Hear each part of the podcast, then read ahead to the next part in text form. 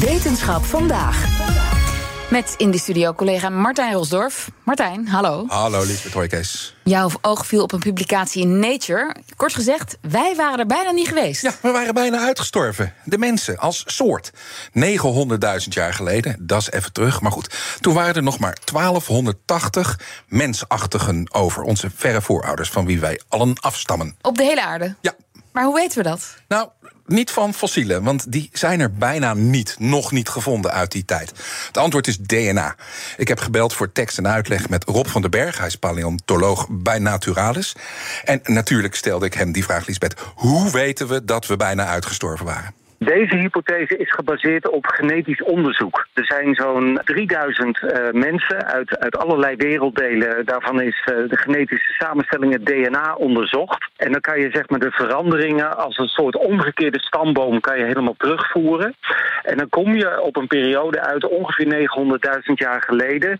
Uh, dat er nog maar zo'n zo'n 1200 à 1300 mensachtige, onze voorouders, rondgelopen moeten hebben. Hmm. Dat rekenen aan DNA, dat is niet iets nieuws. Zo'n omgekeerde stamboom maken. Maar de laatste jaren gaat dat echt stukken beter. Door uh, betere computers, betere software.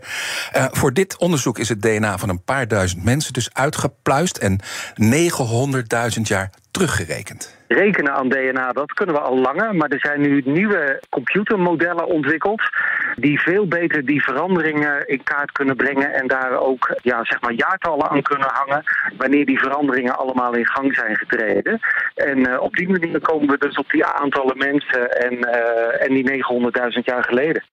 Maar Martijn, hoeveel mensen, of mensachtigen moeten we ja. zeggen, waren er dan voor die tijd? Voor het moment dus dat we nog maar met die dikke duizend personen waren. En dan wil ik ook meteen weten waarom we trouwens zijn uitgestorven. Wat, wat was er aan de hand? Heel toevallig had ik die vragen ook. En paleontoloog Rob van den Berg heeft op beide vragen het antwoord. De schatting is dat er rond een miljoen jaar geleden ongeveer 100.000 van die uh, vooroude mensachtige rondliepen. En uh, als het model klopt, dat toen die populatie nou, zeg maar met 99% is uitgedund.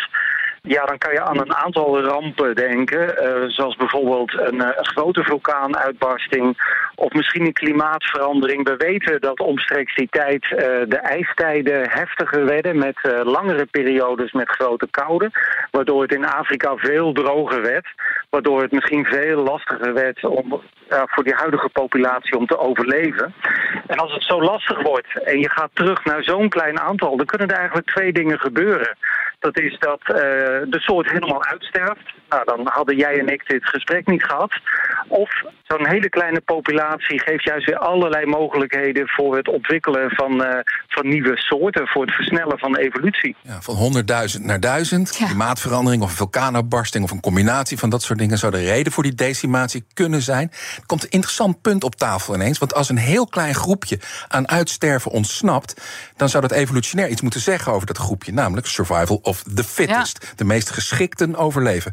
Dat zou dus betekenen dat die paar overlevers heel goed aangepast waren, heel goed basismateriaal voor de mensheid. Ja, want wat we wel zien aan uh, latere fossielen is dat er ineens allerlei nieuwe soorten uh, zijn opgestaan. Hè, waaronder uh, onze directe voorouders, maar ook de Neandertalen. En het kenmerk daarvan is dat ze in ieder geval grotere hersenen hebben. En het zou dus inderdaad kunnen dat die moeilijkere omstandigheden ertoe hebben geleid dat, ja, dat hersenontwikkeling, intelligentie, dat dat voordelen gaf.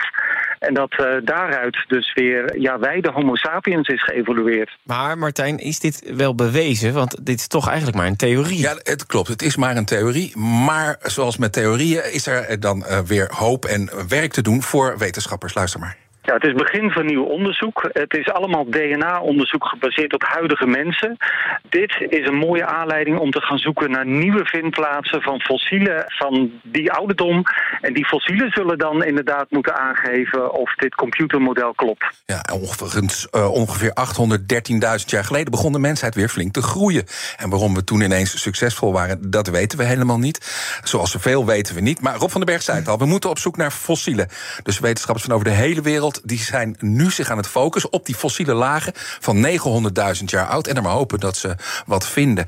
Uh, ietsje specifieker, ze zijn in China aan het zoeken, in de Verenigde Staten en in Afrika gaat de schop in de grond. Maar uh, trouwens, als we allemaal van 1200, wat is het, nog ja. wat mensen komen, dan zijn we eigenlijk allemaal familie. We zijn ook allemaal familie. We zijn ook allemaal familie, Kees. Ja, We are the world. We are the world. En we hebben ons behoorlijk gerevancheerd. Van 1280 naar 7 miljard. 7 miljard. Ja. Het is een knappe prestatie. Dankjewel, Martijn Rosdorf.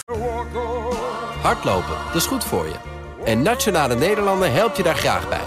Bijvoorbeeld met onze digitale NN Running Coach... die antwoord geeft op al je hardloopvragen. Dus, kom ook in beweging. Onze support heb je. Kijk op nn.nl slash hardlopen.